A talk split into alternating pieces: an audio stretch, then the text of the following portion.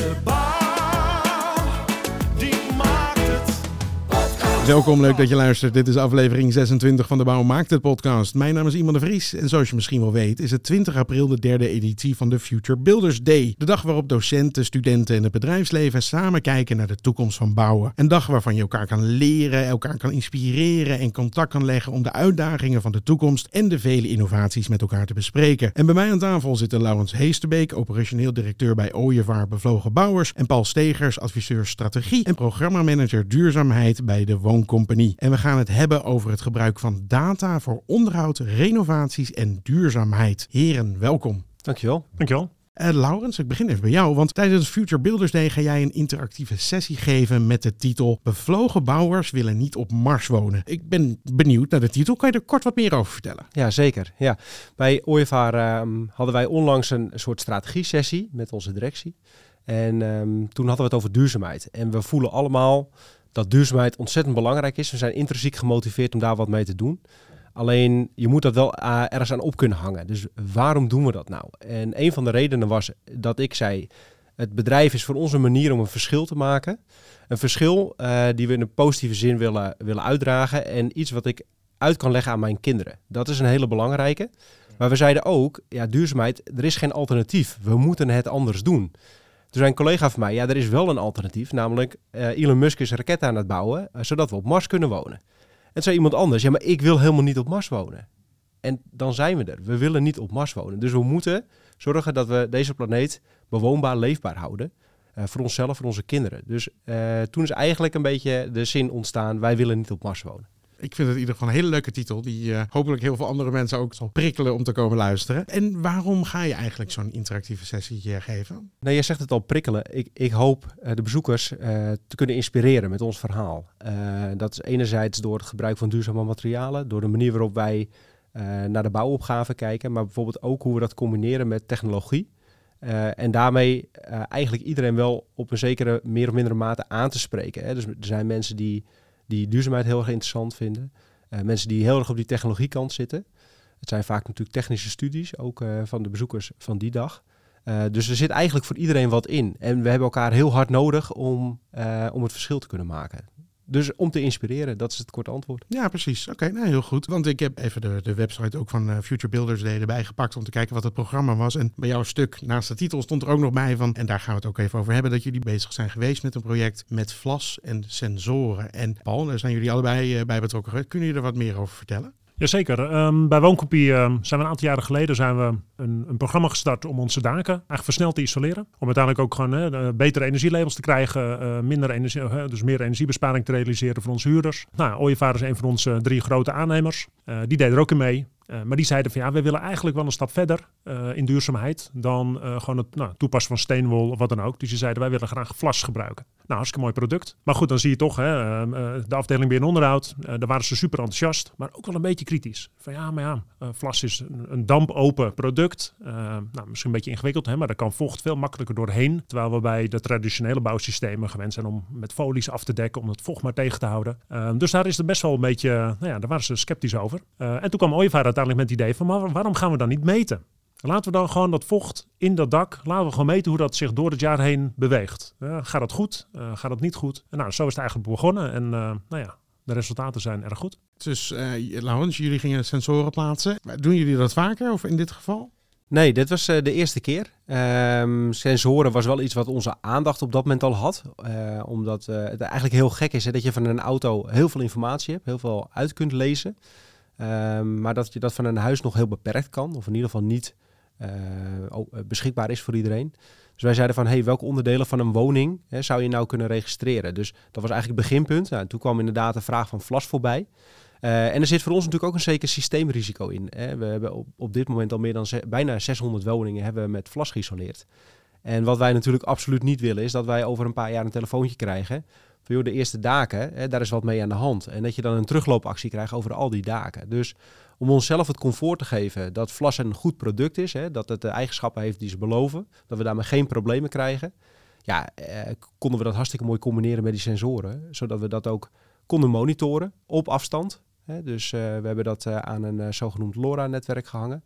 Dus eigenlijk maken we daarvan het dak een soort Internet of Things, hè, gebruiken we daarvoor. Ja. Zodat we op afstand het gedrag van flashisolatie uit konden lezen en dus konden registreren van gedraagt zich dit eh, volgens verwachtingen, krijgen we hier problemen mee. En dat is gelukkig niet zo. Dus het was een eh, succes. Een succes, zeker. En er was dus ook geen folie nodig, of wel? We hebben uiteindelijk toch besloten om folie toe te passen. Maar dat is meer preventief. Hè? Omdat we het toch nog wel erg spannend vinden om eh, dat helemaal los te laten. En dat heeft meer ook te maken met dat wij natuurlijk niet in de hand hebben wat mensen op die zolders precies doen. Oh ja. En dan heeft het vooral, ik denk dan bijvoorbeeld aan een, een droger daar neerzetten, een condensdroger. En die zorgt voor onwijs veel vocht op zo'n zolder. Ja, dat daar hebben we niet helemaal controle over. En we hebben ook besloten niet ieder dak uit te willen rusten bij die sensoren. Dus toen was dit eigenlijk een soort compromis. Hè? Dus door wel voor vlas te kiezen, ja, dan maar een folie, hè, wat wat minder goed is, maar eh, waar we dan wel achter staan. Oké, nou dat klinkt eigenlijk wel heel erg mooi. En eh, je zei, het is de eerste keer dat we het hebben gedaan. Ik vind het een soort van heel goed dat jullie het doen. Maar ik vind het ook een soort van, is dit de eerste keer? Wordt niet data voor alles gewoon gebruikt wat je doet? Ja, de, de, we, er wordt heel veel data eh, geproduceerd. Hè?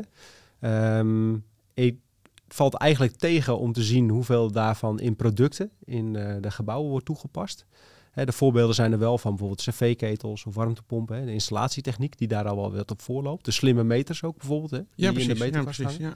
Hè, daar, zitten wel, eh, daar zitten wel natuurlijk sensoren in en die kunnen vaak ook wel op afstand uitgelezen worden. Maar puur als je kijkt naar de bouwproducten die we toepassen, ja, eigenlijk niet of heel minimaal.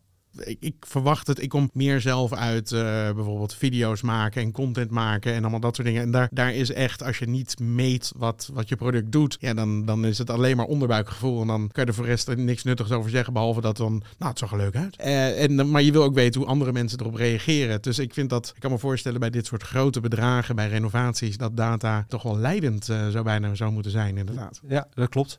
Kijk, we registreren dat wel op een andere manier.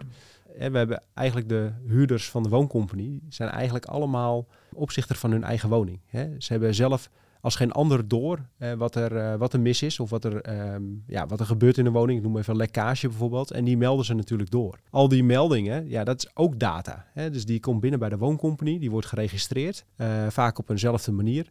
En die kun je natuurlijk ook gebruiken om daar analyses van te maken, om iets te vertellen over de staat van het vastgoed van de wooncompagnie. Precies. En dat doen jullie ook veel of niet, Paul? Nou ja, we zijn nou met de mee, eh, mee bezig geweest. We gebruiken die data eigenlijk nog niet voldoende, vind ik. We verzamelen heel veel. En wat je wel ziet is dat we ook in die verduurzaming natuurlijk wel kijken naar bijvoorbeeld gasverbruik, elektraverbruik van woningen. Dus die data gebruiken we wel. Maar bij corporaties is het ook eigenlijk nog helemaal niet zo gebruikelijk om, zeker op het productniveau, wat Laurens ook zegt, om daar echt om data te vragen of daarnaar te zoeken. Dan zijn wij, nou ja, denk ook met de bouwsector eh, erbij, eh, best wel traditioneel. Terwijl je die data heel goed kunt gebruiken. En, en ik zag wel, eh, ik was in mijn vorige functie bij Wooncompie verantwoordelijk voor het onderhoud. En ik zag wel dat daar dat planmatig onderhoud eh, toenam, maar het dagelijks onderhoud eigenlijk harder toenam, gewoon in geld. Nou, en toen kwam eh, Laurens uiteindelijk, die met een collega BD Insights is begonnen. van hé, maar wij kunnen die data van jullie over het dagelijks onderhoud, dus al die klachten, die, hè, die, die reparatieverzoeken, die klachten die binnenkomen van, van bewoners, die kunnen wij analyseren om daar uiteindelijk in je planmatig onderhoud je voordeel mee te doen. En dat BD Insights is dan, zullen we zeggen, het dataplatform eigenlijk waar je al die data in verzamelt. Ja, ja dat klopt. Ehm ja, BD Insights is eigenlijk een soort interne start-up geweest bij OEVAR, waarin wij de ruimte hebben gekregen om een idee verder te ontwikkelen. En eh, op het moment dat het idee ontstond, was ik bedrijfsleider van onze onderhoudsvestiging. Dus kwamen ook die meldingen bij ons binnen.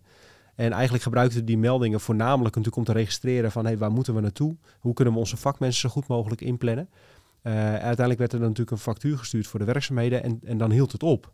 En dat is zo zonde, want je ziet wat voor enorme bron aan informatie er in zo'n systeem staat. En ja, dat, dat intrigeert en dan denk je, daar moeten we meer uit kunnen halen. Dus toen, eh, eh, omdat we zo'n fijne samenwerking met de wooncompagnie hebben om heel veel innovaties met elkaar uit te kunnen rollen, hebben wij eh, nou, aan de wooncompagnie gevraagd, en Paul in dit geval ook, zouden wij samen met jullie dat platform kunnen bouwen? Hè, kunnen we daarin kijken naar welke data er beschikbaar is en of we daar inderdaad interessante analyses op kunnen draaien. Ehm, en dat is ook een beetje ontstaan uit het feit dat opzichters van de wooncompagnie, hè, die hebben heel goed beeld bij hoe de complexen erbij staan, maar die kunnen niet alles zien en niet iedere dag. En op het moment dat je alle huurders als eigenlijk individuele melders ziet en die geven een melding door, kun je veel adequater reageren. En nu zeg ik zeker niet dat, dat data dus uh, de oplossing is hè, om, om goed met je, met je vastgoed om te gaan. Maar het is een combinatie van de informatie die bijvoorbeeld een opzichter heeft of een gebiedsregisseur, in combinatie met die onderhoudsdata. hè, die kan leiden tot ontzettend interessante inzichten. Die, kan, die kunnen elkaar versterken. Hè, dus een opzichter moet zeker niet bang zijn daarmee zijn baan verloren gaat. Hè, maar het is een combinatie eigenlijk van eh, vrij subjectieve data, hè, dus iets wat een, een opzicht ziet, en objectieve data. En dat komt eigenlijk uit het systeem. En als je die kunt combineren, ja, dan zijn wij ervan overtuigd dat je eigenlijk efficiënter met je budget om kan gaan. Dat je, dat, dat je die onderhoudskosten naar beneden kunt krijgen. Hè? Dus dat je niet reactief een dak gaat repareren. Hè? Maar dat je eigenlijk al van tevoren aanziet komen... hey, die meldingen die nemen toe in een bepaald complex of bouwblok. Staat dit blok wel op de nominatie om een dakrenovatie te ondergaan? Want anders sturen we volgend jaar één keer in de week een vakman heen. En dat zijn relatief dure kosten. Klopt. Ja. Ja. Dus eigenlijk ook gewoon eh, om geld te besparen. Ja, zeker. Om geld te besparen. En wij hopen natuurlijk dat dat geld dan eh, dat op een goede andere manier wordt ingezet. Het liefst natuurlijk eh, voor de verduurzaming van die woningen. Hè, dus we doen daar ook suggesties mee op het platform. Van, joh, wat zou je daar dan mee kunnen doen? Hè, waar leent een bepaald complex zich voor? Als het gaat om oriëntatie bijvoorbeeld. En dat is iets wat we echt nog wel verder uit willen gaan rollen. Dat snap ik. En Ja. heel even los, want over duurzaamheid. Ik begreep al dat jullie bij de Wooncompany ook wel echt wel heel goed bezig zijn met duurzaamheid, toch? Of niet? Ja, dat schijnt zo. Ja. Nou, dat is wel, eh, wel grappig. We zijn ehm, ehm, in 2014 denk ik best wel nou ja, eh, echt begonnen met het verduurzamen van onze woningvoorraad. Daarvoor deden we ook al wat, maar toen zijn, zijn we echt grote stappen gaan nemen. Ehm, maar we hebben eigenlijk altijd geroepen van, ja, wij, wij lopen niet voorop. Hè, wij volgen gewoon een beetje de markt, eh, eh, doen geen gekke dingen. Ehm, maar dat kan ik eigenlijk niet meer droog houden, die, eh, die, die, dat statement. Want eigenlijk lopen we nu voorop. Ehm, we hebben in 2019 gemiddeld energielabel B gehaald. We Ja. verwachten dit jaar gemiddeld op energielabel A uit te komen. En als je eh, vraagt wat we daarvoor doen, eh, dan doen we eigenlijk helemaal geen gekke dingen. We doen gewoon eigenlijk hele nuchtere, logische dingen. Dus we isoleren onze woningen aan de binnenkant. Eh, dus dakisolatie, spouwmuurisolatie, bodemisolatie, isolatieglas, als we toch aan het schilderen zijn. En nou ja, nu zijn we ook, eh, over 2019 zijn we begonnen met het planmatig plaatsen ook van zonnepanelen. Vorig jaar eh, met het plaatsen van warmtepompen. En dat schalen we nu op naar 700 warmtepompen per jaar en 1000 eh, zonnepaneelinstallaties per jaar. Nou, met een woningvoorraad van 14.000 woningen eh, schiet dat aardig op. Ja, precies. Uh, maar het zit eigenlijk in een hele logische gedachte. Eerst isoleren, daarna de installaties. Ja, het is in die zin geen hogere wiskunde. Dus ik verbaas me wel eens over, over andere partijen die, die nog heel veel moeten doen. En ja, waarom? Je, je moet aan de slag.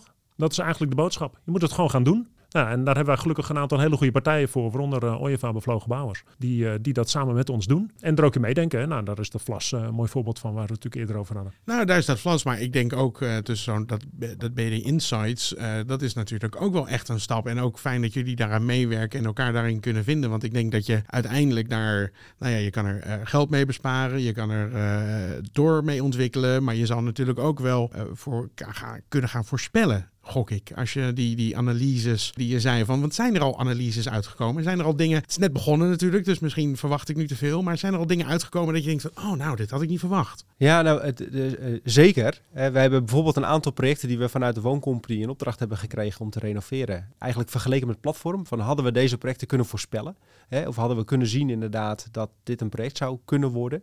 En het antwoord was ja. We zagen daarin inderdaad dat er een complex was waar heel veel lekkages ontstonden de afgelopen jaren. En dat werd voor ons een renovatieproject, hè, waarin de focus ook lag op het, het dak renoveren bijvoorbeeld. En we hebben daar denk ik ook wel hele interessante discussies over gehad. Hè. Paul die kwam zelf met een aantal interessante vragen. En eentje die ik me nog heel goed kan herinneren is dat je bij wijze spreken naar de dataset zou kunnen kijken, hè, naar de patronen die je daarin ontdekt. Om, om te analyseren, zijn er bijvoorbeeld een aantal standaard meldingen die voorafgaan aan een, aan een grote ingrijpende melding. En toen hadden we het bijvoorbeeld over het vervangen van begane grondvloeren. Dat gebeurt wel eens als er schimmel is of zwam in die vloeren. En daarin hebben we gezien dat er een aantal meldingen vaak aan vooraf gaan. Dus dat is stankoverlast, dat zijn problemen met de riolering. En, zo zie je een aantal van die meldingen die terugkomen. En als, als je die ziet ontstaan, dan is de kans gewoon aanwezig of groot dat die gevolgd gaat worden door een uh, renovatie van de begane grondvloer. Terwijl als je daar op tijd op in zou kunnen grijpen, zou je het misschien kunnen voorkomen. Hè, dus dan hoef je die begane grondvloer helemaal niet te vervangen. Uh, maar dan moet je wel op tijd zijn. Want op het moment dat die mensen doorgeven dat ze door de vloer heen zijn gezakt, dan is het te laat. Ja, precies. Ja. Ja. ja, ik kan me voorstellen dat dat een mooi voorbeeld is van een, ja, een, een probleem wat je eigenlijk nog niet kan zien. En als daar vast uh, nou ja, markers omhoog gaan die zeggen van hé, hey, uh, als dit, dit en dit gebeurt, dan is er een grote kans dat er een groter uh, issue aan de hand is, inderdaad. Ja, zeker. En ook iets wat we veel meekrijgen is dat um, corporaties echt bezig zijn met, met schimmelproblematiek. Hè? Dus dat is echt iets wat lastig is. En misschien hangt dat ook wel samen hè, met eh, de energiecrisis die we gehad hebben, waarbij mensen misschien nog wel meer dan anders uh, ventilatieluikjes dichtzetten bijvoorbeeld, of roosters dichtzetten. En de verwarming uit? En de verwarming uit inderdaad. Nou, ideaal natuurlijk voor de schimmels, maar dat wil je absoluut niet in je woning hebben. Dat, is, dat moet je zien te voorkomen. En ook daarvoor zou je bijvoorbeeld patronen kunnen ontdekken van, hey, krijgen we dat soort klachten mee? En als je die klachten bijvoorbeeld ziet ontstaan, want je kunt ze denk ik niet altijd voorkomen, dus namelijk ook hangt samen met bewonersgedrag. Uh, maar dat je bijvoorbeeld wel kunt registreren van, joh, zie ik in een bepaald gebied of in een bouwblok of in een complex die klachten toenemen. Hè, zodat je daar in ieder geval op kunt acteren. Uh, voordat het uit de hand loopt. Hè? Voordat je een grote groep van mensen die ontevreden zijn of uh, met de gezondheidsproblematiek kampen, uh, aan je deur hebt staan. Ja, en daar, daarin helpt de data. Die, die kan je daarin helpen op het moment dat je die goed registreert, uitleest en analyseert. Nou, dit, dit is echt voor de onderhoud en, en de renovatie. Zijn er nog andere toepassingen waarvan je denkt van nou, daar zou die data bij kunnen helpen? Ja, ja dan, dan laat je natuurlijk helemaal je gedachten gaan. Maar ik denk dat uh, die data op heel veel vlakken zou kunnen helpen. Hè. Dus het, het kan de corporaties helpen. Wij zijn ook niet alleen bezig met geld, maar we vinden ook dat je daarmee kunt kijken naar huurderstevredenheid. Hè, dus wat wij registreren is uh, de, uh, de financiën die in, bijvoorbeeld in een onderhoudsbon gaan zitten. En dan ga je kijken van hey, waar geven we nou het meeste geld uit? Welke van de complexen is nou het duurst?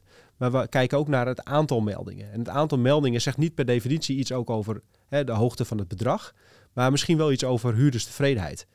Uh, dus ik kan me niet voorstellen dat als je in een, in een bepaald complex uh, extreem veel meldingen hebt, en dan bedoel ik meer dan dat je in andere complexen hebt, hè, dat die, dat die huurders nou per definitie heel tevreden zijn. En voor een woningcorporatie is het belangrijk om, om tevreden huurders te hebben. Dus je kunt ook kijken van hey, welke bouwblokken of welke complexen, welke woningen, die schieten er nou uit als het gaat om het aantal meldingen. En als je die op tijd oppakt, serieus oppakt, daar wat aan gaat doen op een structureel niveau, bespaar je niet alleen kosten, maar ben ik ervan overtuigd dat ook de huurderstevredenheid omhoog gaat. Dus daar, uh, daar zou je ook nog een slag kunnen slaan. Zeker. Hey, en dan ben je bezig met zo'n, uh, nou ja, toch een beetje een test, testrun van data en hoe je dat kan toepassen. Uh, hoe reageren mensen daar van buitenop af? Want uh, jij maakte, we hebben even kort hierover gesproken van tevoren, je maakte een vergelijking met de film Moneyball, waar over honkbal, waar vroeger coaches naar het veld gingen en, en dan gingen scouten naar de beste spelers en dan zagen ze, oh die kan heel goed slaan en die kan ook nog een beetje hard rennen. En dan was het soort van, nou die, dat wordt wel wat. Toen kwam er dus iemand langs en die gebruikte eigenlijk de statistieken om te voorspellen wat een goed team samen zou kunnen stellen op een goedkope manier. Maar ja, die persoon die dat had bedacht, nou, die werd niet met open armen ontvangen. Want dat was natuurlijk, ja, weet je, een bouwer misschien weet misschien ook wel beter dan een paar data cijfertjes op papier. Wordt, wordt hier met, nou ja, argusogen naar gekeken of wordt het wel uh, een beetje omhelst? Nou ja, intern uh, hadden we ook best wel, uh, wel heel veel collega's die aanhaakten niet heel interessant vonden, maar toch ook natuurlijk wel een beetje zo van ja, jeetje, we moeten we hier nou allemaal mee en, en, en, kunnen we daar nou echt wel iets mee? Nou, op zich vond ik uh,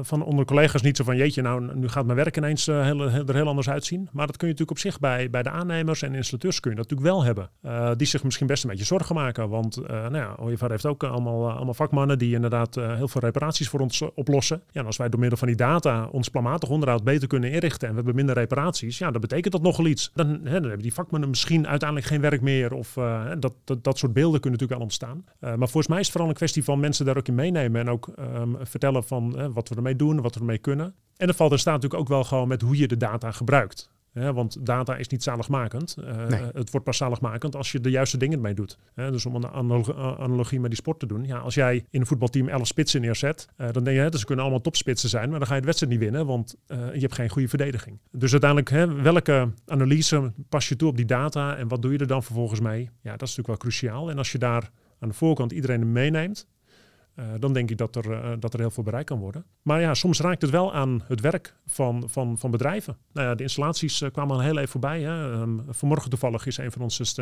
stagiaires is afgestudeerd op het onderwerp onderhoud aan warmtepompen. Omdat ik echt geloof dat het anders kan. Dat doen we nu periodiek. Nou, dat is helemaal niet nodig. Zo'n warmtepomp is niet ingewikkeld en, en al helemaal niet gevaarlijk. Ten opzichte van een cv-ketel, waar je gewoon op hoge temperatuur gas verbrandt. Dus daar moet je echt periodiek heen. Zo'n warmtepomp niet. En ik zou heel graag data willen gebruiken die die warmtepomp al levert om uiteindelijk ons te vertellen van hé, hey, ik ben bijna aan onderhoud toe. Want we zien het, eh, het stroomverbruik toenemen of de, de, de, de, de flow van het water eh, neemt af of toe. Hè? Dus, eh, of nou ja, het aantal schakelmomenten van de compressor in zo'n warmtepomp, die, die heeft een bepaalde waarde bereikt.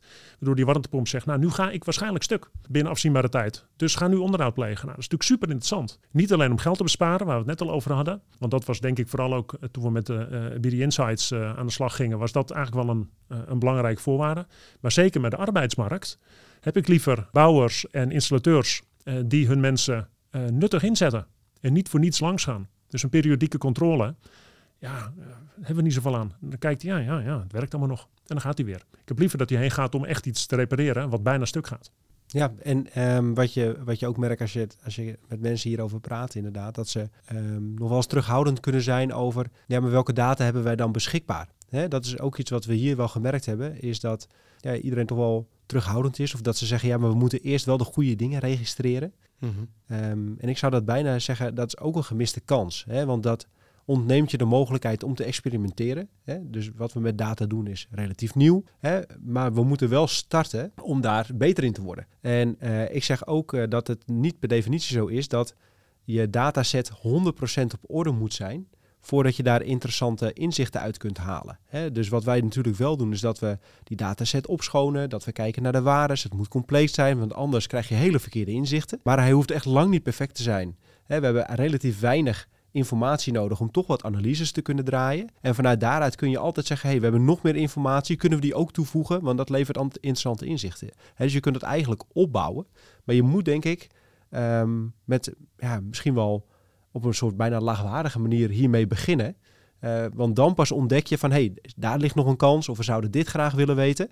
En ik merk toch ook wel, in, je vroeg natuurlijk van joh, hoe wordt erop gereageerd vanuit de omgeving, dat er toch wel snel een soort ja, terughoudende instelling is van joh, ja, onze data is niet in orde. Ja, ik denk dat er vaak meer beschikbaar is, hè, zodat iedereen zich realiseert en dat je daar al best wel interessante inzichten uit kunt halen.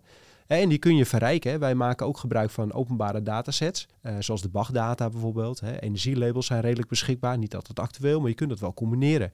Dus het hoeft niet altijd alleen de data te zijn die beschikbaar is bij in dit geval bijvoorbeeld een woningcorporatie. Dus ik denk dat die instelling nou, vaak onterecht is, dat we al veel meer kunnen als dat iedereen zich realiseert. Maar het is natuurlijk altijd een beetje. eh, iets nieuws wekt soms een beetje angst op. Of het is onbekend. Dus eh, laten we het maar niet doen. Want zoals we deden ging het altijd al goed. Of misschien ging het in ieder geval zoals het gaat. Dat is moeilijk natuurlijk. Maar ik, ik vind het wel een mooie instelling dat je denkt van nou we gaan gewoon kijken. En ik denk dat je op die manier ook op.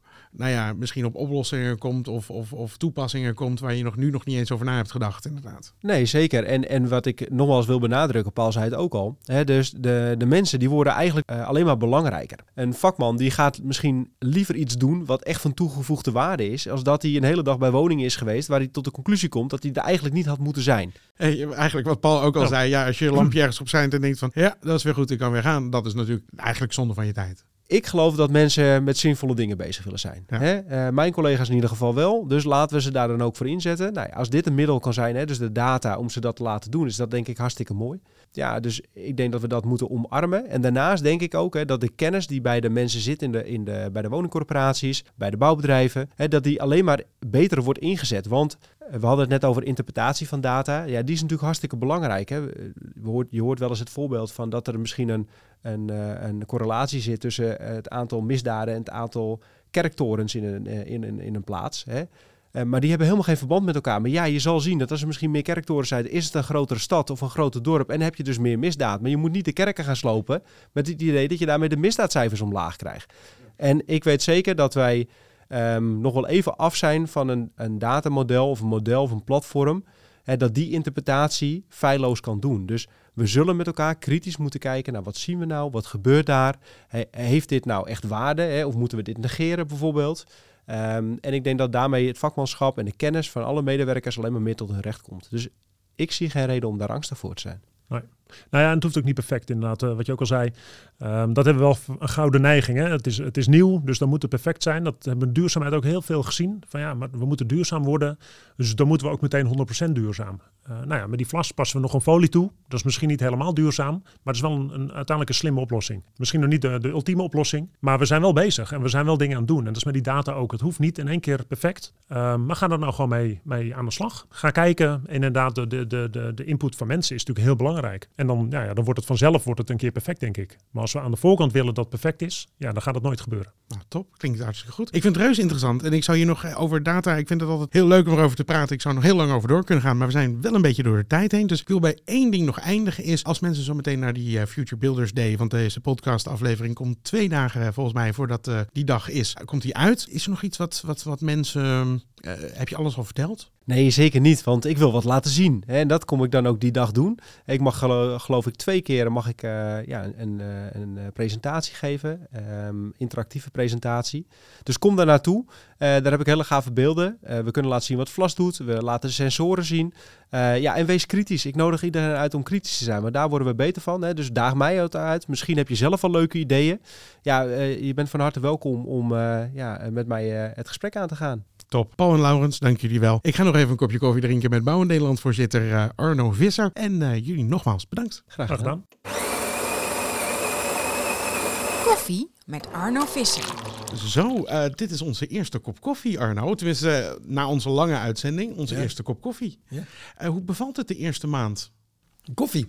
Of Nou, de, eerste maand bij Nou ja, de- Bouw Nederland. Ik hoop dat de koffie ook goed is, maar de eerste maand Bouwen Nederland, ja. Nee, ja, ik ben, het is wat je zegt. Ik ben nu een maand eh, in functie en eh, we ben nu weer een maand verder door het land getrokken, mensen ontmoet, mooie bijeenkomsten gehad. Ook een spraakmakende uitspraak van de Raad van State. Dus het was een, eh, een vrij diverse maand, moet ik eerlijk zeggen. Ja, eh, even, even moeilijk, want je zegt nu een paar dingen. Laten we beginnen bij de bijeenkomsten. Wat, wat, zijn, de, wat zijn de dingen die je zowel hebt gedaan in die eerste maand? Nou, er zijn een aantal interne en externe bijeenkomsten geweest. Ik vond eh, een hele mooie bijeenkomst die eh, van onze opleidingsbedrijven. Grote opkomst, heel veel mensen die eh, iedere dag bezig zijn met mensen opleiden. de huidige generatie en toekomstige generaties. De knipjes van het vak, om maar zo te zeggen, bijbrengen. Ja, Dat is leuk om te zien en dat was een goede sfeer. En nou ja, toch wel leuk dat ik daar wat aan bij heb kunnen dragen. Mooi. We krijgen natuurlijk ook, dat is het thema van deze podcast, ook eh, de Future Builders Day komt eraan. Daar komen ook weer de studenten, docenten en de bouwwereld bij elkaar. Ja, nou kijk, weet je, eh, het is voor ieder vak en ieder ambacht cruciaal dat je mensen hebt die je eh, kunnen vertellen hoe het moet. Wat ze geleerd hebben, wat ze zelf goed en niet goed gedaan hebben. En jou weer een stap verder brengen. En ik heb, ben die dag ook begonnen met in herinnering roepen mijn leraren vanaf de lagere, de middelbare school en de universiteit. En met sommigen heb ik nog steeds contact. Die zijn belangrijk voor mij geweest. En ik was niet, ik had hier niet aan tafel gezeten met deze kop koffie in deze functie als ik niet die mensen had gehad. En zo geldt het voor ons allemaal, voor ons iedereen. Dus leraren, docenten zijn cruciaal. Ja, zeker, zeker, zeker. Ik zag je ook trouwens nog langskomen bij eh, Op 1. Ook vanuit eh Bouwend Nederland natuurlijk. Hoe is dat eh, bevallen? Nou ja, ik had in vorige functie natuurlijk wel wat ervaring met radio en televisie.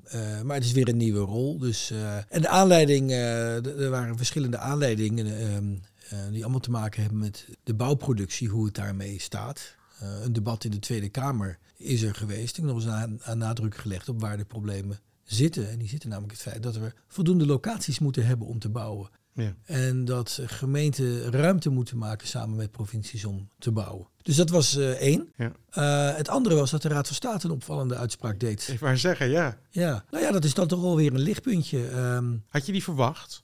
Nee, nee, het lag niet in de lijn der verwachting. Niet alleen bij mij, maar bij heel veel mensen. Omdat de Raad van State eh, toch heel strikt wetten en regels uitlegde. En waardoor de zaak verder op het slot, in het slop kwam. En toen hebben milieu- en ehm, klimaatorganisaties de aanleg van een weg aangegrepen om de methode waarop vergunningen worden aangevraagd ter discussie te stellen. Ja. En eh, nou ja, daardoor lag alles stil, want die methode wordt niet alleen bij die ene weg gebruikt. Uh, maar die wordt bij alles gebruikt. Dus als daar de Raad van State nee tegen had gezegd, dit kan niet, had gezegd, nou ja, dan hadden we verder van huis geweest. Nou, zei de Raad van State nee, aan de methode ligt het niet, dus dat kan doorgaan.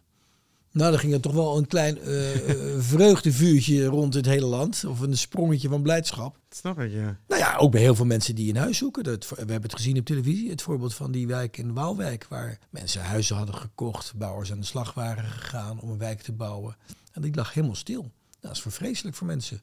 Anderhalf, twee jaar extra wachten op iets wat je gewoon nodig hebt met je gezin, dat is niet fijn. Nee, zeker niet, zeker niet. En ben je verder nog bij, uh, bij veel leden langs geweest ook? Ja, nou laat ik beginnen met te zeggen dat er een, een mooie dag was, uh, georganiseerd uh, vanuit de bouw, Bewust Veilig Dag. Iedere vergadering die we doen, uh, beginnen we met veiligheid. Veiligheid staat op één, want helaas komt het nog steeds voor dat er ongelukken gebeuren in de bouw. En het is natuurlijk een inherent een gevaarlijk beroep. Als je stijgers op moet of met zware apparatuur moet werken, dan, dan zit schuilt een ongeluk in een, een klein hoekje. Daar moet je continu bewust van zijn. Continu bewust zijn van het feit dat je iets kan gebeuren. En continu eh, met elkaar, elkaar aanspreken op dingen die niet goed zijn georganiseerd of fout kunnen gaan. Bewust veilig werken. Het was een belangrijke dag. Daar ben ik ook bij geweest, verschillende locaties. Dus eh, ja, die dag stond er helemaal eh, in teken van het veiliger bouwen.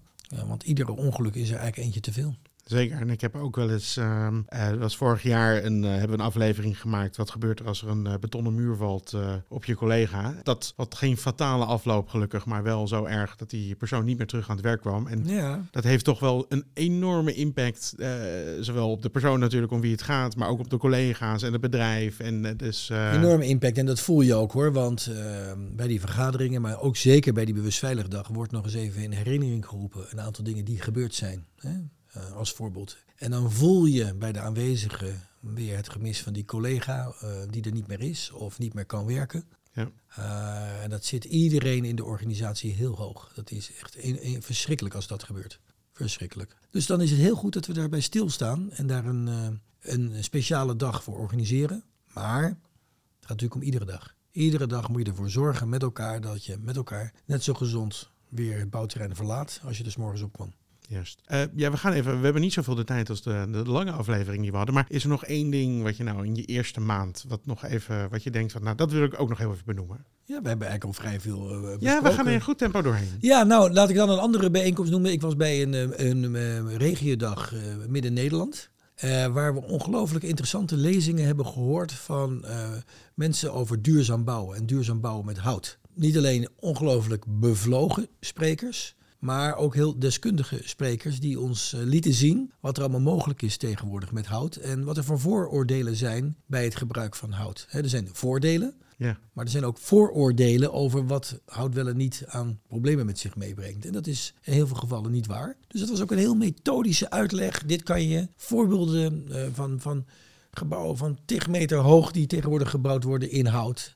Natuurlijk een hele oude techniek. En het is veel beter voor het klimaat, veel beter voor het milieu om te doen. En in heel veel gevallen met een prachtig resultaat. Want nou ja, je gaat wel eens op vakantie en dan kom je in Oostenrijk of Italië en dan zie je een huis aan binnenkant helemaal met hout. Denk je, oh wat fijn. Maar dat kan hier ook. Ja, nee, ik heb wel eens wat voorbeelden gezien. Het ziet er echt schitterend uit. Met infrarood eh, verwarming zit er dan Ja, in. je kan, je kan zoveel. die- En Ja, Nou, het liet ook maar weer eens zien hoe betrokken alle bouwers zijn eh, bij het gebruik van, nou, ik wil bijna zeggen nieuwe technieken, terwijl het hier wel oude technieken gaat. Maar hoe betrokken mensen zijn bij het op een moderne manier omgaan met, met bouwopgaven. En daarbij de gevolgen voor milieu en klimaat heel goed in oogschouw nemen. Dus ik vind het wel goed om dat nog eens te benadrukken, dat dat iedere dag weer gebeurt. Nou mooi. Ik, eh, zo te horen heb je een eh, goede eerste maand gehad in ieder geval. Dus dat is fijn. Eh, dankjewel en tot over twee weken. Tot over twee weken. Wil je nou eh, zelf geen aflevering missen? Vergeet dan niet op de volgknop op Spotify te drukken of de abonneerknop op eh, Apple Podcast. Een rating achterlaten wordt ook zeer gewaardeerd. En bedankt voor het luisteren. Tot over twee weken. De